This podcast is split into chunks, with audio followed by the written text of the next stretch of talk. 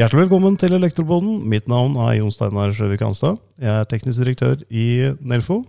Og sammen med meg så har jeg min faste makker Marie Koldrup. Hei. Hei. I dag så kjører vi fra Nelfos årskonferanse med tema bærekraft. Og da har vi vært så heldige å få med oss eh, Knut Gåsrud, som er administrerende direktør i Caverion Norge. Hei, hei. Velkommen, Knut. Takk. Caverion er teknisk totalleverandør av smarte og grønne bygg. De er representert over uh, hele landet, fra Mandal til Tromsø. Og dere drifter over 30 000 bygg. Uh, og I Norge så er Caverion totalt 2300 medarbeidere. Og du Knut, du leder en av de største tekniske totalleverandørene i Norge. Og da er jo spørsmålet hvor mye etterspørselen får dere på bærekraft fra kundene deres? Ja, det, det kan jeg svare litt på her. Eh, Det som virkelig er tatt av i 2022, Mm. det er jo eh, energisparing. Ja, Med de strømprisene som vi har eh, sett i år, så har det vært en veldig sterk driver. ja. Så um, det som, har, det som er spennende nå, det er jo da sånne energiprosjekter hvor vi også kan være med å garantere for reduksjonen i strømforbruk. ja Så Vi kaller det EPC-prosjekter. ikke sant? Det er veldig, veldig spennende. Eh, og da kan man jo oppnå, i, eh, som i rehab i bygg, da, så kan vi få 20-30-40 reduksjon. Ja. Litt avhengig av da hvilke tiltak som eh, kundene velger å gjennomføre. Ja, ikke sant. Og det her er jo Er det kun på elektrosiden, eller er det på andre, andre deler av den tekniske installasjonen dere er inne på da? Nei, Vi leverer ofte alle tekniske fag. Ja, ikke sant. Så, og det som er stikkordet her, er jo ikke sant, byggautomasjon. Ja.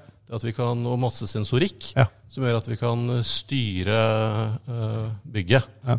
Uh, Istedenfor at bygget skal stå på og være varmt og kaldt 24 timer i døgnet, så styrer vi det sånn at det er optimalt når folk er på jobb. Sånn at byggene må være gode å jobbe i. Ja. Vi må ikke strupe ned og ha 18 grader uh, sånn at vi får syke medarbeidere. Vi skal ha folk som er på jobb, og de trives i gode og produktive bygg. Ja, ja, det, er, det er veldig godt sagt. fordi det er nok en del nå som begynner å skru ned temperaturen ganske grådig rundt forbi eh, i bygg. Og det, det er ikke spesielt godt å sitte og fryse, fryse på jobben. Nei. Det må være behagelig å være der. Og Så ser vi jo det når vi går gjennom byen også. Det er ganske mange som ikke har så veldig mye energistyring. eh, Og spesielt ikke lysstyring. Der står det på lys på kontorer rett som det er rundt forbi. Så vi har vel en del å gå på fortsatt. Det er masse. Det er jo mange som har byttet, byttet til ledd også, men det er jo Altså Jeg liker å si at i Caverian så har vi begynt på en veldig spennende bærekraftsreise. Ja. Men det aller meste det er jo ugjort. Ikke det ligger ligger foran oss. Det er ikke noe å lure på. Det er et uh, veldig godt poeng. Og nå fases jo disse lysrørene ut også i løpet av, eh, av året. Det blir spennende å se da når alle skal gå over til LED. Det er vel Mm. fortsatt en del som, som løper rundt med, med vanlige lysrør, jeg tror. Men du spurte også om eh, vi fikk mye liksom, spørsmål fra kundene våre. Ja. Og jeg må si at alle snakker jo om bærekraft. ja. Men jeg syns at det er eh, overraskende få som virkelig liksom kommer og, og, og, og, tar konsekvensen av det. da. Oh, ja. De stiller ikke konkrete krav til dere altså sånn på dette her? Nei, altså eh, Det som er viktig nå, det er jo at vi altså, og bransjen at vi er flinke til å være gode rådgivere. Ja. For vi vet jo om hva som vil virke. Ja, ikke sant? Eh, Men veldig ofte så, er, si, så kommer vi for seint inn i prosessene. Ja. Vi kommer inn til en spekk eller til noen, noen ideer og skal egentlig bare da levere. Ja, altså, Og da blir det ofte ikke noe gode bygg. Men Så- er, det på en måte, er bærekraft en del av den spekken? Er det et eget punkt, f.eks.? Ja, det, altså det kan det være. Det kan jo være gjennomsyret i egentlig hele, i hele bygget eller hele rehabiliteringen. Mm. Altså de, beste jobbene vi gjør, og de mest interessante for folka våre, det er jo øh, når vi kan være med og jobbe med kunder Ja. som måles på bærekraft. ja, ikke sant? Og ikke bare snakker om, men som måles på det. Ja. Ikke sant? Da, da blir det til at vi leverer på kundenes KPI-er. Mm. Det er kult. Det er gøy. Det er morsomt. Og da setter man seg et mål, og så leverer man faktisk på det målet. Ja. Det er kult. Men hvordan måler man bærekraft, da? Det jeg sliter som å forstå liksom, det begrepet. Det er jo som vi har snakka om, Steinar, at ja, bærekraft gjennomsyrer jo alt. Og som du sier nå, det er jo ikke en konkret del av spekken. Men allikevel så må man jo ha en eller annen metode for å måle det, for å kunne si at dette bygget er så og så bærekraftig, eller denne løsningen er bærekraftig. Hvordan, på hvilke måter måler dere det? Ja, altså det som er eh, I dis- disse EPC-prosjektene jeg nevnte, da, så, så går man jo inn i bygg som eksisterende bygg. Ja. Og da må man jo ta utgangspunkt i hvor mye energi det bygget bruker i dag. Mm. Og Så kan vi gå gjennom og kartlegge ikke sant, tekniske funksjoner. Vi kan også være med å kartlegge bygget som sådan, altså kroppen. Og så kommer vi opp med da ulike tiltak eh, som da vil gi uh, ulike effekter. Og så prøver vi å beregne da en, eh, liksom en kost-nytte. Altså Dette tiltaket her kan koste så og så mye, og kan være da nedbetalt på over x år. Mm. Og med de prisene vi har nå, så går jo dette her altså, veldig fort. altså. Ja. Mm. Ja, det, det er, det er en måte å, å, å gjøre det på da, i eksisterende bygg. ja, det er utrolig sterk driver det vi har nå, altså som du nevner, Knut, i forhold til eh, strømprisen. Det er klart at rentabiliteten i de investeringene her er på noe helt annet nivå enn det vi har, eh, har sett tidligere. Og Marie og jeg jobba mye med solceller, og solceller også var et voksende marked, men et ganske tregt marked da, i, i utgangspunktet. Og det har jo bare eksplodert fullstendig nå etter at, eh, etter at strømprisene har blitt veldig høye. Så det med egenproduksjon blir, eh, blir populært fremover. Mm. Ja, og så er det kjempespennende. Så sol kommer, som du sier. Mm. Eh, vi har jo fått eh, Altså billading er jo blitt Ja. en kjempestor greie for oss nå. Ikke sant? Eh, og det er jo veldig moro også, for alle de eh, folka våre som eh, får være med på sånne typer jobber. Ja, det, det, det skaper noe ekstra stolthet. Ja. Av at man får være med og virkelig jobbe på, på noe som betyr noe ja. i det store bildet. Ja, Det, det syns jeg er veldig viktig, det du sier der. fordi det å ha et meningsfylt arbeid, at man, man har en mening med det man gjør, utover det å tjene penger. da. Du er faktisk med på å bygge samfunnet. Du bygger et grønnere samfunn, og et renere samfunn, og et mer bærekraftig samfunn. da, selvfølgelig. Det tror jeg blir viktigere og viktigere. Og jeg ser jo, Det var jo snakk om noen kjønnsmessige aldersmessige fordelinger på hvem som er mest opptatt av det her. Og snittalderen på elektro, altså elektrikere i Norge i dag er jo relativt, eh, relativt lav. Så jeg vil jo tro at veldig mange tenker også på bærekraftsperspektivet. Jeg ser bare på ungene Mm. mine, de ser jo stygt på meg hvis jeg kaster i feil beholder hjemme, eller eh, sløser med ting. Så det er en helt annet fokus på det i dag. Mm. Kaster i feil beholder. ikke sant? Altså, Ja. Vi har jo holdt på med kildesortering eh, i årevis. Ja, ikke sant? Sånn så det er ikke det noe nytt. Men eh, det som kommer mer og mer nå, er jo gjenbruk av tekniske løsninger. Ja. Det har jo vært i Byggentreprenørene har jo hatt det her i noen år allerede. Mm. Uh, resirkulering av gips, f.eks. Mm. Men uh, nå, nå merker jeg at uh, i, går for eksempel, satt jeg i et, en tilbudsgjennomgang, og da er det snakk om å gjenbruke brannsentral, gjenbruke Oi. ventilasjonskanaler, gjenbruke aggregater. Så kult. Ja, og det er veldig, det er veldig positivt. Ja, det er Så er, vi må være litt våkne, da, fordi sant, å, skal vi ta over da eh, garantiansvaret for disse produktene her, så må vi følge litt med i timen. Ja, det er et veldig godt poeng. altså. Er det da typiske ting som kommer som et resultat av at kunden har eh, krevd det?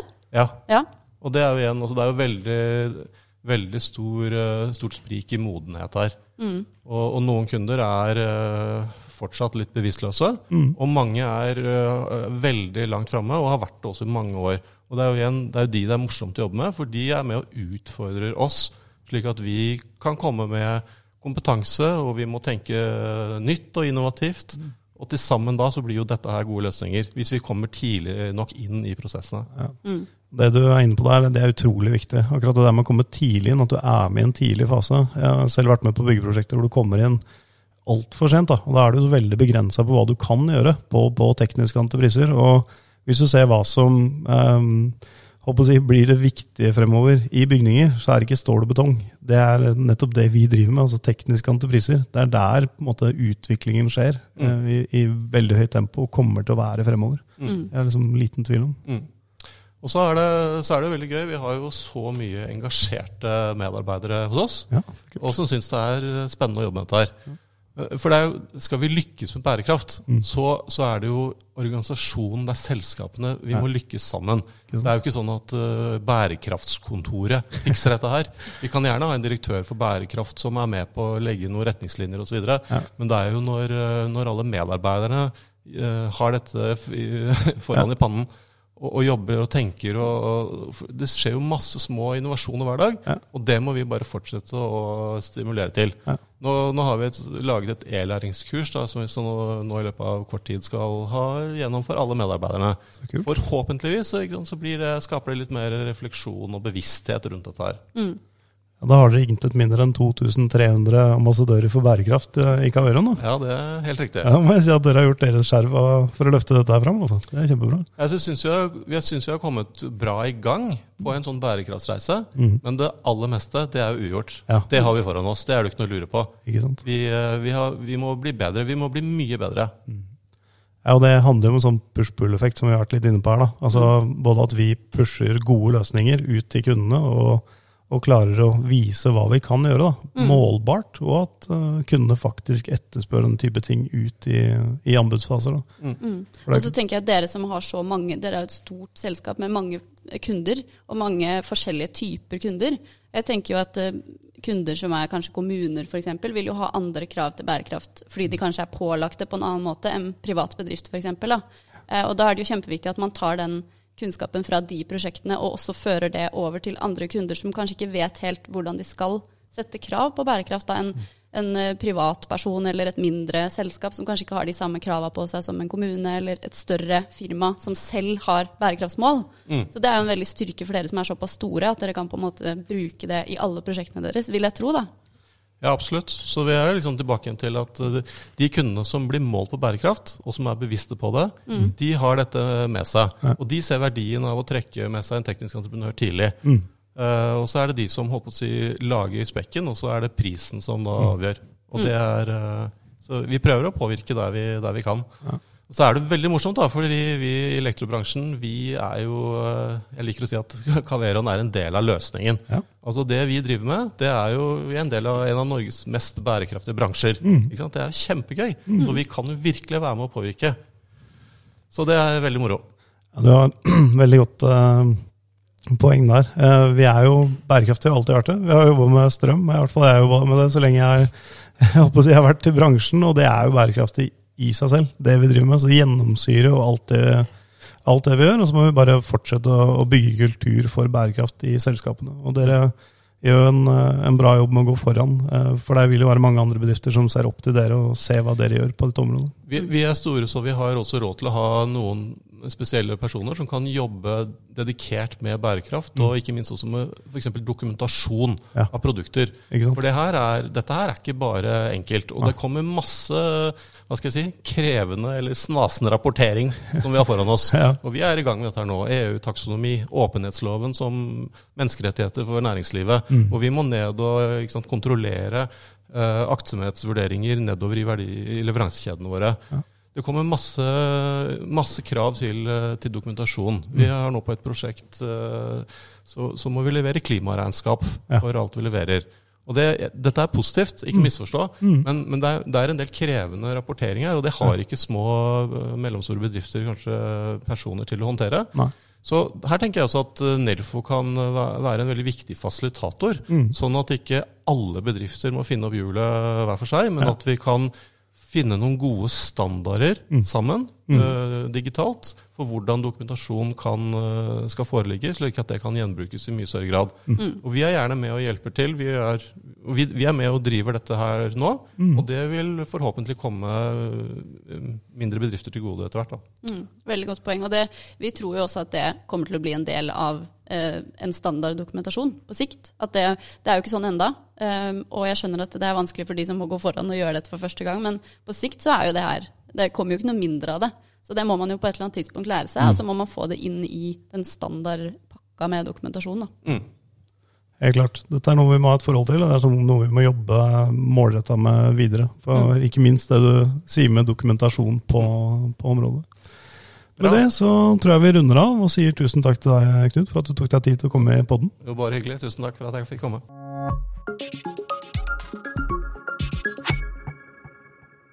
Ja, da har vi vært så heldige å få med oss eh, Anders Rør. Han jobber i Solseriespesialisten og er Sustainability and Quality Officer. Velkommen, Anders. Tusen takk. Eh, Solcellespesialisten det er Norges største leverandør av solcelleanlegg til privatkunder og næring. Eh, De forhandler også utstyr til solcelleanlegg. Og de er involvert i en rekke forskningsprosjekter, bl.a. på mikronett. Ja, og du Anders, du jobber med bærekraft i daglig, og da er jeg spent. Hva innebærer det å jobbe med bærekraft på daglig basis? Jo, det er, eh, det er en del forskjellig. Ja. Noen av de typiske temaene som jeg er eh, innom på, til daglig, det er jo ting som utslipp. Ja. Det er da utslipp knyttet mot uh, vår egen drift, mot, uh, mot vareproduksjonen, Mm. mot, uh, mot transport f.eks. Ja. Det er temaer som resirkulering. Ja. Resirkulering av både varer på kontoret, på, på lageret vårt og på byggeplassene våre. Og fra den monteringsdriften, installasjonsdriften vi, vi gjør. Eh, Det er de, eh, spesielt eh, de sosiale og miljømessige forholdene i verdikjeden. Ja. Det krever mye, mye arbeid og oppfølging. Ja. Da så har du jo, som, som mye nevnt nå for tiden, åpenhetsloven, som trådte i kraft i, i juli. Ja. Den stiller jo en del krav til hva vi, vi bedrifter med, med enten nok omsetning eller mange nok ansatte må, må gjøre. Det er 70 millioner omsetning, er det ikke det? Jo, det er vel 70 millioner i omsetning, eller mer enn 50, 50 ansatte. Ja, stemmer. Mm. Det er ganske Så- mange, mange bedrifter da, som blir ramma av det, og dere spesielt. da. Ja, Ja, definitivt. Og, og, og vi, merker, vi merker forskjellen så fra, i markedet på, på hva slags spørsmål vi får rundt dette all, Ja. allerede, og hva vi må levere og, og, og dokumentere. Ikke sant? Så, og så jobber jeg en- del med en del med dokumentasjon da, på, på dette, på Ja. varene i, i verdikjeden. Eh, spesielt eh, enten rundt da tvangsarbeidproblematikken, Mhm. eller, eh, eller miljødokumentasjon. Det, Ja. Environmental Product Declaration er noe som er eh, mye etterspurt i, eh, i byggebransjen. eh, Ja. Spesielt eh, for å oppnå de ulike Bream-sertifiseringene, så må vi kunne dokumentere utslippene som har gått med i forbindelse av produksjon av de ulike tekniske eh, varene. Mm. Og solceller er jo um, en teknisk installasjon, og, og, og der er, um, er det krav til EPD på, på mange prosjekter. Ja, og Dere er jo kanskje ekstra utsatt, siden dere leverer en sånn miljøvennlig, fornybar vare. Så stiller man kanskje enda flere spørsmål eh, til dere på, på solceller, kanskje? Ja, ja det, det, det vil jeg si sånn generelt. Og så er det jo gjerne det at de prosjektene som, um, som har solceller, er prosjekter som er eh, interessert i, Ja. i miljøprofilen. Kunne du selv er interessert i sin miljøprofil, eller er interessert i miljøprofilen til varen. Mm. Eh, Så da blir det mye mer eh, krav til, til denne dokumentasjonen. Um, og ikke bare på solcellene, det er der det er mest eh, dokumentasjon tilgjengelig, men vi har jo også det på, på festemateriell og, og de andre delene av, eh, av installasjonen. Da. På det elektriske materiellet, kabling osv. Eh, Hvordan er det å få tak i dokumentasjonen? For vi får jo tak i FTV-dokumentasjon og brukerveiledninger og CE-merkinger osv. Det er ganske lett å få tak i på nett. Men dette med miljødokumentasjon, det, hvordan får dere tak i det? Er, er det vanskelig? Ja, det, er, eh, det kommer an på, på leverandøren. Ja. De europeiske leverandørene av festemateriell f.eks., Mm. eh, de er jo da flinke til å ha TUV-dokumentasjon eller, eller annen dokumentasjon på f.eks. Eh, resirkuleringsgraden av aluminium eller stålet i, eh, i festmateriellet. Eh, panelprodusentene har vært, eh, blitt flinke på dette med EPD, Mm. eh, fordi at markedet krever det. Eh, Men er det nytt at markedet krever det, eller har det vært sånn lenge? Nei, det er nytt. Ehm, Det var noe vi Jeg merker mye mer forespørsel etter det nå enn enn jeg gjorde i, um, i 2018 eller 2019. Så Mm. det er noe som kommer. Og så er det flere og flere prosjekter som stiller krav til det. Eh, Det franske markedet har faktisk stilt krav til at eh, det skal så vidt jeg forstått, eh, skal være EPD på alle paneler som leveres i det franske markedet. Oi, Mm. Men det er en litt annen standard enn den i Norge. Så, Ja. så tallene har den samme verdien, men, men dokumentasjonen Ja. trenger ikke å ha den som blir fremlagt, trenger ikke å være like lang. da. Nei, riktig. Men det er jo samme verdiene som går inn i grunnlaget til den dokumentasjonen som leveres i, i Norge. Ja, for det er en produktdeklarasjon, men den følger ikke nødvendigvis den samme oppskriften som vi har på EPD-er uh, i EPD-systemet i EPD Norge. Stemmer. Vi Ja. følger jo en ISO-sertifisering som er uh, 1425. Ja. 14.025, tror jeg. Mm. Nå syns jeg vi begynner å komme på et nivå på å snakke om bærekraft som jeg liker. Altså Når vi snakker om eh, blanding og legering i skruer og ISO-sertifisering og sånn, da, da er vi liksom ordentlig nede i materien. Det var litt eh, deilig. Litt konkret for, eh, for ingeniørene, var ikke det, Mariell? Jo, absolutt. Men eh, jeg henger meg litt opp i det når du sier For det er jo produktspesifikt. Og altså, solcellepaneler blir jo bare bedre og bedre hele tida. Fortere og fortere. Må man ha en ny EPD da, hver gang panelene er litt forbedra? Eller hvordan løser dere det? Ja, det er en hver serie krever en EPD. Så Ja. også de fleste Ja. solcellepanelene leveres jo i en eh, serie. For eksempel eh, du har en, eh, en Hvis du har et all black-panel, så kan det for eksempel være S21, mens samme panelet bare med, med sølvramme og, og en hvit backsheet er S20. Ja. Og så får du da en EPD som, som kan dekke både S20 og S21-serien, da. Ja, av f.eks. 60 celler eller 72 celler. Så for at den EPD-en går ofte da på, på utslipp per wattpeak. Ja, riktig. Og da tar du utgangspunkt i cella da, og samme monokrystallinske celler osv. Så videre, sånn at du har på en måte mye av underlaget. Så selv om man er hvit eller har et backsheet, eller sånn, så, så er det samme greiene. Ja, Det, er, det er akkurat det. Det er mye, mye mye likt, så, så derfor får du på hele serier. Men da, hver gang de da kommer med en ny serie, så må du inn med ny dokumentasjon. da. Ja, ikke sant? Og- Men hva hvis eh, jeg er deres konkurrent da, og også leverer solceller og har det samme kravet på meg? Kan jeg da bruke deres EPD som dere allerede har skaffa, eller er den deres, på en måte? Hvis eh, vi hadde publisert den i, i vårt navn, så eh, måtte du da kjøpt uh, paneler fra oss. Ja. Men, okay. men nå er det panelprodusenten som pro eh, publiserer de fleste EPD-ene i sitt navn. da. Okay. Så da har du f.eks. Uh, Jasolar, Longi, Trina, Ja. eh, Canadian Solar, SunPower, REC. De, de, legger ut, eh, de publiserer EPD-ene i et godkjent eh, europeisk bibliotek, og så benytter vi dem. da. Ja. Mm. Så vi var nesten, vi holdt på å publisere vår egen EPD faktisk i solcellespesialisten sitt navn for, eh, for et og et halvt år siden. Men så bestemte vi oss for at vi bare benytter, eh, benytter panelleverandørene sine isteden. Ja, men så bra. Jeg syns det er fint at dere er veldig offensive da, og prøver å lage det selv i tillegg. Det er jo kjempekult. Men, men det er klart det at du må jo ha underleverandører da, som, som er kapable til å levere disse tingene. her. Sånn. Du må jo kjenne litt de som, som leverer produktene, vil jeg tro. Altså, ha litt god kjennskap til dem. Ja, også, og du- de må jo ha en del på stell. En ting er å ha, klare å dokumentere utslippene i, hver del av prosessen. Det, det kan være ganske krevende i seg selv, og spesielt når du har eh, krav til liksom noen av de leddene før produksjonen på, av, av panelet til sammen. Ja? Så du skal ha wafer, utslippene av, av produksjonen av waferen, Ja. av aluminium til ramma, av glasset, alt sammen før det kommer til fabrikken, og du skal begynne å gå litt lenger ned i verdikjeden. Ja. Og få tak i de, eh, den dokumentasjonen det kan være litt krevende for noen av, noen av leverandørene. Og så må de møte en del, eh, en del krav etter ISO-sertifiseringen eh, for å kunne få lov til å publisere en EPD. Så jeg har sett noen krav til at de har en del på stell på selskapet. Så det, det gir en ganske sånn betryggende følelse når et selskap eh, publiserer en EPD Mm. på produktet ditt, for da vet du at de, de har en ganske grei kontroll på, på seg selv som selskap, men også produktet sitt som i verdikjeden.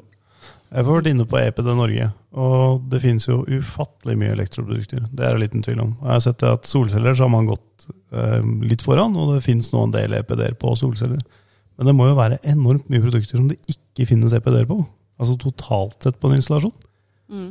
Ja, enormt. I, i solcelleverdenen for eksempel, så selv om festmateriellprodusentene burde ha lett for å kunne publisere det, egentlig, med tanke på at det er liksom Skrue. Ja, det er rene aluminium- eller stålprodukter. Ja, ja. Mm. Kanskje noe plast, resirkulert gummi eller resirkulert plastikk i, i de delene som skal være i kontakt med, med taktekket. ikke sant? Ja.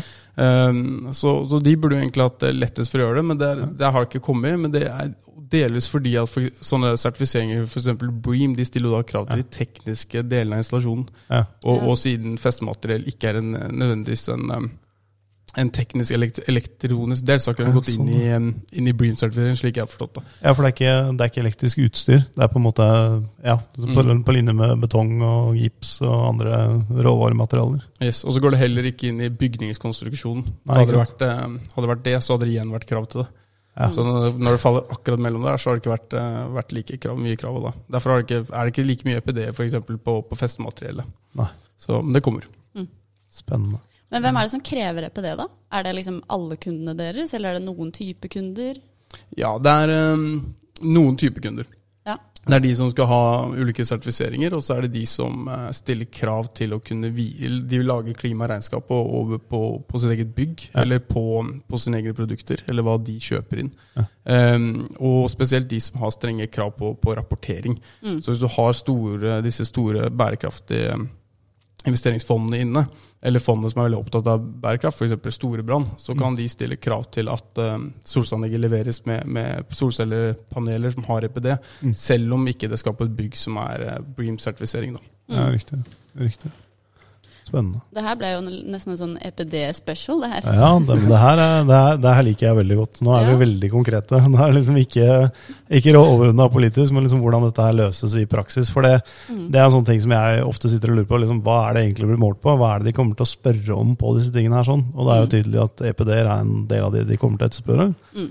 Og så er det noen som går foran, og så kommer det helt sikkert til å være mange som løper etter på, på det området her. sånn. Men det, det syns jeg var veldig interessant å høre hva du jobber med til daglig i, i Solcellespesialisten. For det er klart at eh, i hvert fall mitt inntrykk er at eh, i bransjer som er fornybare, eh, eller altså der man har fornybar produksjon, så, så vil man naturlig, naturlig stille krav til det. der. Men da kommer jo kronspørsmålet. Dere kjører vel elbiler alle sammen, da? Gjør dere ikke det, Anders? Det gjør vi. eh, Til dels eh, Alle personbilene våre er elbiler, og så Ja. har vi noen varebiler Ja, ikke sant? som er elektriske. Men, men vi ser at eh, vi rapporterer opp utslippene våre, og gjort siden 2019. Ja, ikke sant? Og, og, og klimakompenserer også de, og, og, så vi prøver å ha en del kontroll på det. I tillegg så ble vi miljøfyrtårn-sertifisert nå i år, så det, da rapporterer vi også inn til den ordningen, eh, miljøfyrtårn-ordningen da, av utslippene. Og, og 90% er jo transport internt i drifta. Eh, det er transport av varer internt og til byggeplassene våre, og så er det transport av, av personell. Ja. Og det er eh, krevende å, å hele elektrifisere i dag, men det må jo bli det. Eh, det er ikke så, de, de andre tiltakene vi kan gjøre som intern i drifta vår på direkte på klimagassutslipp, som, eh, som vi også jobber med, f.eks. økt resirkuleringsgrad, Mm. valg av bedre, valg av bedre materialer, optimalisering av bruk av materialer, emballasje og den type ting. Det, det hjelper, og det monner, men, men hvis ikke vi klarer å gjøre noe med transporten på, på sikt, så, så reduserer vi bare liksom, et par prosenter av utslippene våre. Da. Mens transporten det er, eh, det er den store styggulven på en måte i dagens, eh, dagens drift. Da. Mm. Jeg la merke til når du svarte på det første spørsmålet også, eh, hva du jobber med til daglig, så nevnte du på en måte like mye den interne driften eh, og fokuset på bærekraft der, som du nevnte fokuset på bærekraft i leveransene deres. Eh, er det sånn at kundene krever på en måte eh, eller krever bærekraft eh, i like stor grad, både internt og i leveransen? Eller er på en måte den interne bærekraften styrt av dere selv? Um, nei, det er litt uh, både og. Uh, det er en del kunder som stiller krav til at vi er uh, sertifiserte, faktisk. Uh, spesielt noen offentlige kunder. Uh, fylkeskommuner, f.eks. Um, så det setter jo litt presedens. Du kan jo da la være å legge, eh, levere tilbud på den type jobber som krever det. Men det er jo spesielt ikke i vår interesse, som har lyst til å være den mest bærekraftige og det største solcelleleverandøren i Norge. Ikke sant? Um, men det er også litt eh, kravene fra internt. Eh, Det er mange i solcellespesialisten som er miljøengasjerte og, miljø, og opptatt av miljø, og da, da setter vi liksom linja høyt på hva vi vil være og hva vi vil levere. levere. Så, så det ble tidlig liksom bestemt at nei, vi er i hvert fall nødt til å være sertifisert. Det er på en måte sånn minimum for oss, og så skal vi klare å levere langt utover det i tillegg. Da. Men nå, men nå ser jeg spesielt i, i markedet i år, at, eh, som vi var inne på litt tidligere, at de åpenhetsloven har stilt stilling stiller en del krav, og de kravene begynner også kundene å stille. Så Det er veldig interessant. Før så stilte de krav til EPD, som vi har snakket en del om, og, og nå begynner det å stille en del krav til at vi kan dokumentere verdikjeden. Ja. Spesielt arbeidsforhold i, i verdikjeden. Da. Ikke sant? Ja, det er interessant. Det er jo endringer som skjer i, i samfunnet når man får nye lover og reguleringer. Så plutselig så, så skal alle ha noe. Det er litt artig, sånn det jeg sitter igjen med, at eh, kundene spør om helt andre ting i dag enn det de gjorde for bare, bare få år siden. Og spesielt da dokumentasjonsgraden på det her. Før så leverte vi på en måte dokumentasjon, FTV-dokumentasjon på, på kabler, og så skrev vi litt eh, samsvarserklæringer og dokumentasjon på det elektriske anlegget og litt tegninger, og så var vi ferdig med det. Mm. Her er det på en måte dokumentasjon på en helt annet, helt annet nivå, på helt andre områder, ikke minst. Definitivt. Hvis du ser på, på noe FTV-ene vi leverte i 2016 og, og 2022, så er det en del forskjell. Ja. Der, de kravene som stilles i dag, er og, det, og det trengs. Det, det er viktig. Og, ja. Også på det elektrotekniske. Eh, Og i forhold til sikkerhet og drift av, bygninger. Ja. Så, så det er blitt skjerpa de siste åra, Kravene som stilles i bransjen, og som bransjen stiller internt da, til seg selv.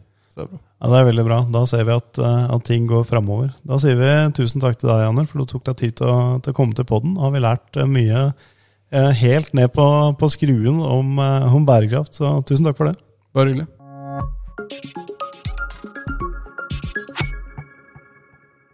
Da har vi vært så heldige å få med oss eh, administrerende direktør i Nelfo, Ove Guttormsen. Velkommen, Ove. Tusen takk.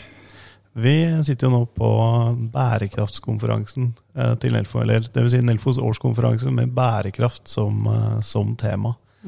Og Da er det jo interessant å spørre litt, Ove. Hva er din take på hvordan blir bransjen framover? Hva er det vi skal, skal jobbe med de neste fem til ti årene? Altså, svaret ligger jo egentlig i temaet på konferansen, nemlig bærekraft. For vi sitter jo midt oppi i det grønne skiftet, og vi er faktisk en av forutsetningene for at det skal skje. Ja, ikke sant? Ja, for det, det er jo det som er interessant, syns jeg. fordi når man ser på vekst i bransjen, så ser man på de tradisjonelle delene. Men så har vi sånn som, sånn som elbiler, da, som vi på en måte aldri hadde forutsett at skulle komme i, i så stort monn. Nei, og Det er kanskje et, et tegn på det. Eh, alle de som bekymrer seg for problemene med elbil, er de som ikke har det selv. Ja. Og alle som eh, har kjøpt det, de ser bare fordelene. Ja, ikke sant? Og sånn ser vi på det grønne skiftet. Det er, du må jo være helt gæren hvis ikke du skjønner at dette er veien for meg nå. Ikke sant? Ja, for, for det der med elbiler er litt sånn interessant, for det er veldig mange som er eh, Eller det var en del som var veldig imot dette her, og det var sånn veldig mye spørsmål rundt det. Han skal ikke ha noe som jeg ikke får, osv.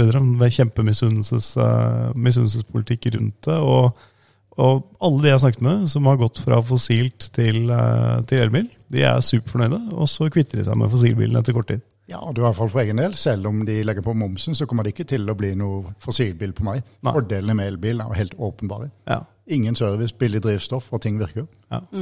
Det er jo litt interessant. da Vi har sittet med elektromotoren i hvor lang tid? 100 år eller noe sånt? nå. Det er bare å se på momentkurve og ta opp i det hele tatt, så skjønner du at det der er, eh, er bra greier. Mm. Men jeg tror kanskje vi har fått hjelp av digitaliseringa for å få det til å spille sammen. Ja. Du trenger ikke en egen maskinist for å få uh, kobla batteri og motorer. Nei. Og litt av det samme ser vi kanskje på eh, det grønne skiftet. At vi får en grad av digitalisering som gir oss muligheter. Ikke sant? Eh, Jeg som privatperson kan ha mitt eget lille kraftverk. Jeg kan ha solceller, jeg kan ha batteri, jeg kan selge strøm og jeg kan kjøpe strøm. Og alt jeg trenger, ligger som software på telefonen min. Ja, ikke sant? Tidligere så måtte du ha fire-fem stykker ansatt for å få det her til å spille sammen. Nå ligger det gratis software på telefonen. Det er helt, helt fantastisk. Ja, det, er, eh, det er faktisk helt fantastisk at du kan få alt inn på, på telefonen din, som er så mye mer enn en telefon eh, i dag. Men det, det er jo interessant å se liksom, hvordan næringsutviklinga er på bil. Da, for å fortsette med den eh, analogien, hvor man tidligere la alt fokus på å lage best mulig dieselmotorer. Så skjer jo nå utviklingen på et helt annet område, sånn innenfor, innenfor software. Hvordan tror du det vil påvirke vår bransje? Jeg tror vi ser det samme som i bilbransjen, at eh, du kjøper en bil som har det beste kundeinterfacet. Eh, de som selger bilen må behandles som et menneske. Ja, Eh, til å begynne med, så må det virke. Og jeg tror det samme at de som har kundeløsninger både i oppførsel og i ja, kundeinterface. Jeg vil bestille tjenester på, på nett. Jeg vil ikke snakke med folk. Nei. Eh, For nett så får jeg det skriftlig, og hvis jeg hadde vært litt yngre, så hadde det vært helt utenkelig å ringe etter noen. Ja, ikke sant. Ja, og Da trenger man en, eh, en god innfallsport, eller en god inngangsport til, eh, til installatørene. og da bør man jo, jeg tenker De som kjøper hus i dag, det vil kanskje stille litt andre miljøkrav enn det man gjorde for eh, bare få år siden. Jeg tror, jeg tror ikke du vil oppfatte som krav, jeg tror det vil bare være en sånn forutsetning. Det er ingen, ingen som ville tenkt på å kjøpe et hus som ikke var isolert i dag. Det er ikke sånn at du må be om å få ha huset isolert eller strømstyring. Det er, bare- det er bare Hvis ikke du har det, så kan du ikke være i markedet. Og det føler jeg egentlig gjelder bærekraftkonseptet generelt. At Mm. bærekraft er Ja, det er jo et eget tema, det er jo tema på årskonferansen, men det måte gjennomsyrer alt. Da. Det, er, det er noe de fleste tar for gitt i dag. At en løsning leveres ikke hvis den ikke er bærekraftig. Da er den jo ikke gunstig, på en måte, i dag. Nei, Den blir på en måte ikke gangbar vare, men det vi kanskje blir utfordra på, det er jo dokumentasjonen av dette. da. Ja, fordi vi har, jo ikke, vi har jo ikke hatt behov for det. Det har vært så enkle løsninger. Men nå når løsningene er kompliserte, og bare for å drifte de, så må vi ha dokumentasjonen i orden, og for å kanskje bevise folk rundt oss. Men jeg tror, jeg tror kanskje det der at det blir en selvfølge. Du trenger ikke å si til rørleggeren at du skal ha varmtvann også. Altså det, det, det, det er bare sånn, sånn er det. Det er helt utenkelig å ha et bygg i dag som ikke er bærekraftig. Mm. Men samtidig så Jeg fikk nemlig spørsmål av en kompis her før denne årskonferansen. Um, at altså, er det mulig å levere solcelleanlegg eller en elbillader uten at det er en bærekraftig leveranse? Er det mulig å levere et ikke-bærekraftig solcelleanlegg? Er ikke solceller i seg selv bærekraftig? Men da måtte jeg ta en, en runde, fordi her er det jo, sant, som vi har vært inne på, mange forskjellige faktorer. Og det er sånn, ja, en elbillader eller en, en elbil er jo bærekraftig i seg selv, men så er det jo også andre aspekter ved den leveransen. F.eks. dokumentasjon. Det er det å kunne bevise at denne elbilladeren er mer bærekraftig levert enn f.eks. en annen. Eller at man har gått ned på detaljnivå da, i selve leveransen. Så vil jo også Selve produktet gjør jo en god ting for miljøet, men hvis det er miljøet eller skadelig å bygge den, så har du samme problemet. For vi vet jo det at metallene kommer fra plasser som vi kanskje ikke liker, og på, tatt fram på måter som ikke vi kan akseptere. Så det er på en måte å ha en evne til å stole på at det vi har, er faktisk bærekraftig. Ikke bare det som produktet gjør for deg, men hvordan det ble lagd også.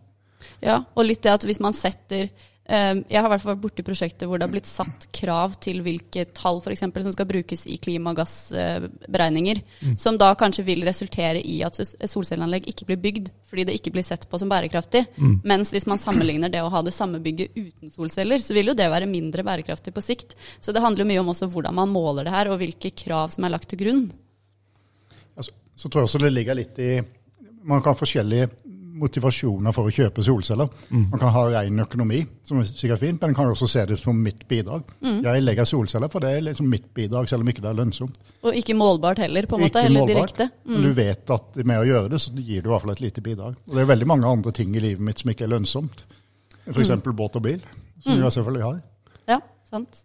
Men uh, vi hadde jo eh, et møte med styret i Møre og Romsdal i går, og de nevnte jo en 85 år gammel mann som hadde investert i solceller på taket. Ja, Og så hadde de liksom sagt at ja, men kommer dette her til å være, være noe rentabilitet i dette her i din livstid? Nei, det var ikke sikkert det, men det var i hvert fall mitt bidrag til å gjøre verden til et litt bedre sted, og det syns jeg er rimelig prisverdig å, å gjøre, altså. Men de nevnte at han var sunnmøring, så han hadde regna. Han, tre- han trengte bare å bli 100 for at det skulle bli Ja, han hadde regna, ja. Ja. Ja, det kan være fint, det. da har man noe å leve for. da. Det er bare å knipe seg fast i bordet og håpe at man blir 100 år. Men det er et godt poeng at, at en bærekraftig løsning er jo ikke alltid det mest lønnsomme. Men et fokus på årskonferansen i år er jo det motsatte. Altså Bærekraft kan jo også være sinnssykt lønnsomt for Ja. bedriftene. ikke sant? Bærekraft er business. Så du ser jo på en måte begge endene av den skalaen. At det, noen valg er jo vanskelig å måle og kan være veld, veldig bærekraftige. Men så kan man jo også velge å se på det sånn at sånn som Nelfos medlemsbedrifter, som leverer elektriske anlegg, her er det jo faktisk eh, lønnsomhet å hente på å være bærekraftig. Ja, så tror jeg det er konkurs hvis ikke du er det. For det er ingen som vil kjøpe løsninger som ikke er det. Nei, sant? Men vi, jeg tror vi må innstille oss på at vi må, vi må bidra litt. Det trenger ikke å være lønnsomt. Jeg tror ikke min kildesortering er noe særlig lønnsom. Men jeg gjør det jo for det. Ja, det er et godt poeng. Ja, Nei, jeg tror vi må levere ting som eh, funker og er bærekraftig i framtida. Det tror jeg må være en sånn eh, grunnleggende faktor på, på alt det vi gjør. Og så må vi kunne være transparente i leveransene våre og kunne dokumentere det hvis vi skal klare å, å leve godt videre. Det blir, det blir spennende å se hvordan dette utvikler seg, men, eh, men eh, jeg tror vi sitter greit til. Skal vi være enige om det, Ove? Ja, vi sitter i elektrobransjen, og lykka har vært bedre enn forstanden. Det kan jo bare gå bra hvis vi oppfører oss noenlunde normalt, tenker jeg. Ja. Alle skal ha strøm. Ikke sant? Ja. Og med de avsluttende ordene så takker vi for i dag. Tusen takk, Ove. Takk skal du ha. Ja, da har vi vært så heldige å få med oss eh, kommunikasjonsdirektør i Nelfo, Marius Strand. Velkommen. Hei, hei. Hyggelig å være her. Det er første gang jeg er i Elektropodden, faktisk, i løpet Ja. av min tid i, i Nelfo, så, så det er en ære. Ja, Det er på tide. Jeg hadde egentlig savna at dere hadde invitert meg tidligere, men eh, Litt sånn lett fornærma for ikke å ha vært med, sant? vært med i podden. Ja, men da er, da er det godt vi endelig har fått deg med, Marius. Det, Ja, så bra. det er veldig bra.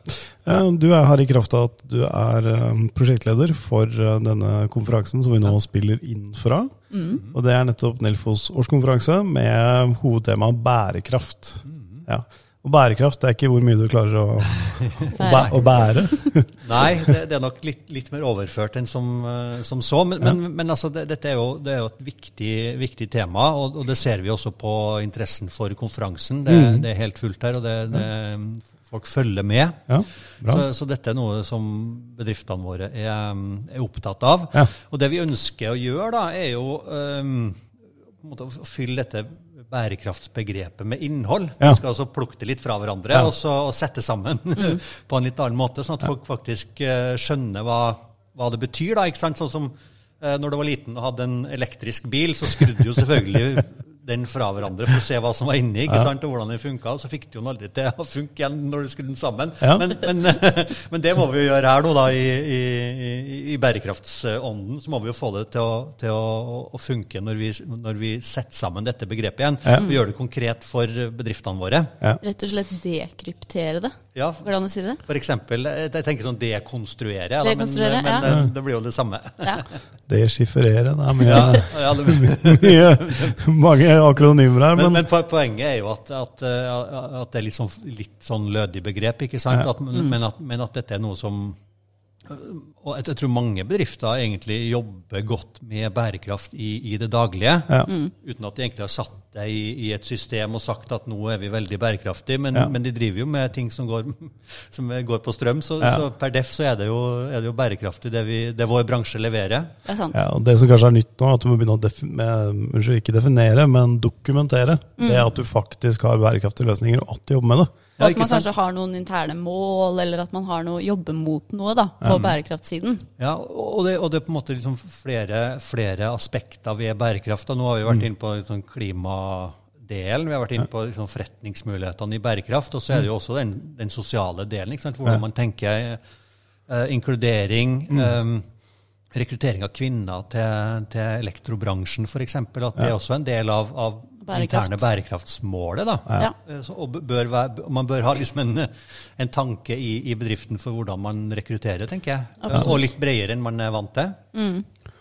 Bærekraft kan jo være så mangt, men derfor er det veldig fint at vi nå har på denne konferansen så har vi definert det som tre sånne hovedunderområder som vi har valgt å fokusere på nå. Og så Ja. finnes det jo også masse andre spennende eh, områder under bærekraft. Men det er vel kanskje de tre sånn hoveddelene som er eh, gjeldende for eh, Nelfos medlemsbedrifter. da. Og så, og så er det jo ting som, som man er nødt til å forholde seg til. ikke sant? Vi har snakka om åpenhetsloven, som, som jo forteller litt om hvor, hvor eh, Så at man må ha kontroll på hele verdikjeden, f.eks. Mm. Det er noe som blir etterspurt. Eh, Den trådte vel i kraft nå før sommeren, så det er liksom Ja. noe som kommer, kommer og blir stadig mer Eller bedriftene får stadig mer bevissthet om det etter hvert. Og så har det en ting til, og det er jo eh, krav i, i offentlige anbud. Hvis, ja. Mange av våre leverer jo tjenester til, eh, til stat og kommune. Eh, Og det er klart at når de stiller krav til, til strategier eller planer uh, rundt bærekraft, så må man jo forholde seg til det som, som bedrift. Mm. Og det er jo de plikta til å stille krav til også. Ikke sant? Ja, fordi bærekraft som sådan, det er jo et paraplybegrep eller en sekkepost eller hva du vil. Og vi jobber jo med bærekraft på veldig mange områder, og det er ikke et hovedområde i seg selv, men det er mange delområder som gjør at vi må til sammen være gode på alle disse områdene. Vi må ansette flere kvinner, vi må kildesortere, vi må lage installasjoner som varer litt lenger, osv. Så, videre.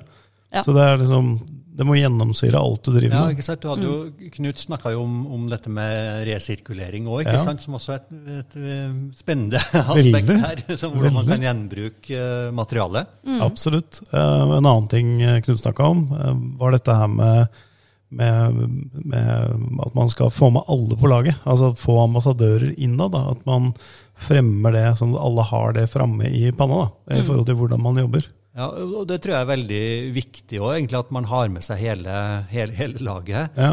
Eh, At dette ikke blir en, en, altså en bærekraftsstrategi eller en bærekraftsrapport blir noe som havner i en skuff. Men at det faktisk er noe som man bruker i det daglige. da. Mm.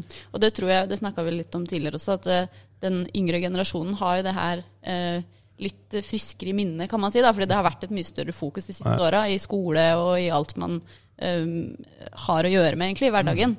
Så derfor er det jo det en naturlig del av uh, utviklinga i bedrifter også. At ja. jo flere unge man får inn i bedriften, jo flere ambassadører får man jo. ikke sant? Og jeg tror det er en veldig sånn viktig faktor for å lykkes med bærekraft. At man har lyst til å lykkes med det. At ikke det er sånn pålagt krav som er sånn åh, nå må vi rapportere på bærekraft igjen. Det skal være på en måte noe de som er ansatte står for å jobbe med. da. Ikke sant? Helt enig. Og eh, til dette med de, de unge, da, så snakka jeg med min 15 år gamle sønn, og så forteller jeg om denne konferansen at det skal handle om bærekraft, og vi skal prøve å liksom gi begrepet litt innhold og sånn. Og så sier han alle vet jo hva bærekraft er.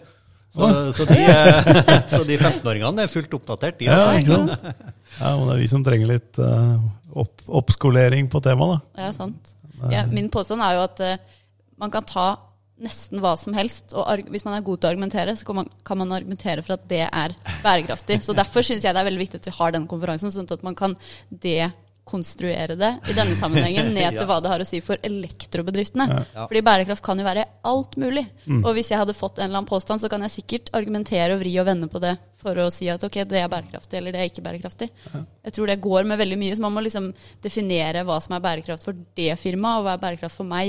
Ja. Det tror jeg er veldig viktig, for det er liksom ikke én ting. Mm. og så tenker jeg, ikke sant, også For oss som privatkunder uh, også, da, så tenker jeg hvis, hvis, jeg skal bestille en elektriker neste gang, så vil jeg jo kanskje ha liksom, hvor, hvor, godt jobber den bedriften med, med bærekraft? Eller ja. altså, stille litt krav, jeg også, da. Ja. Kommer den med elbil, eller kommer den med en gammel dieselbil, f.eks.? Ikke sant?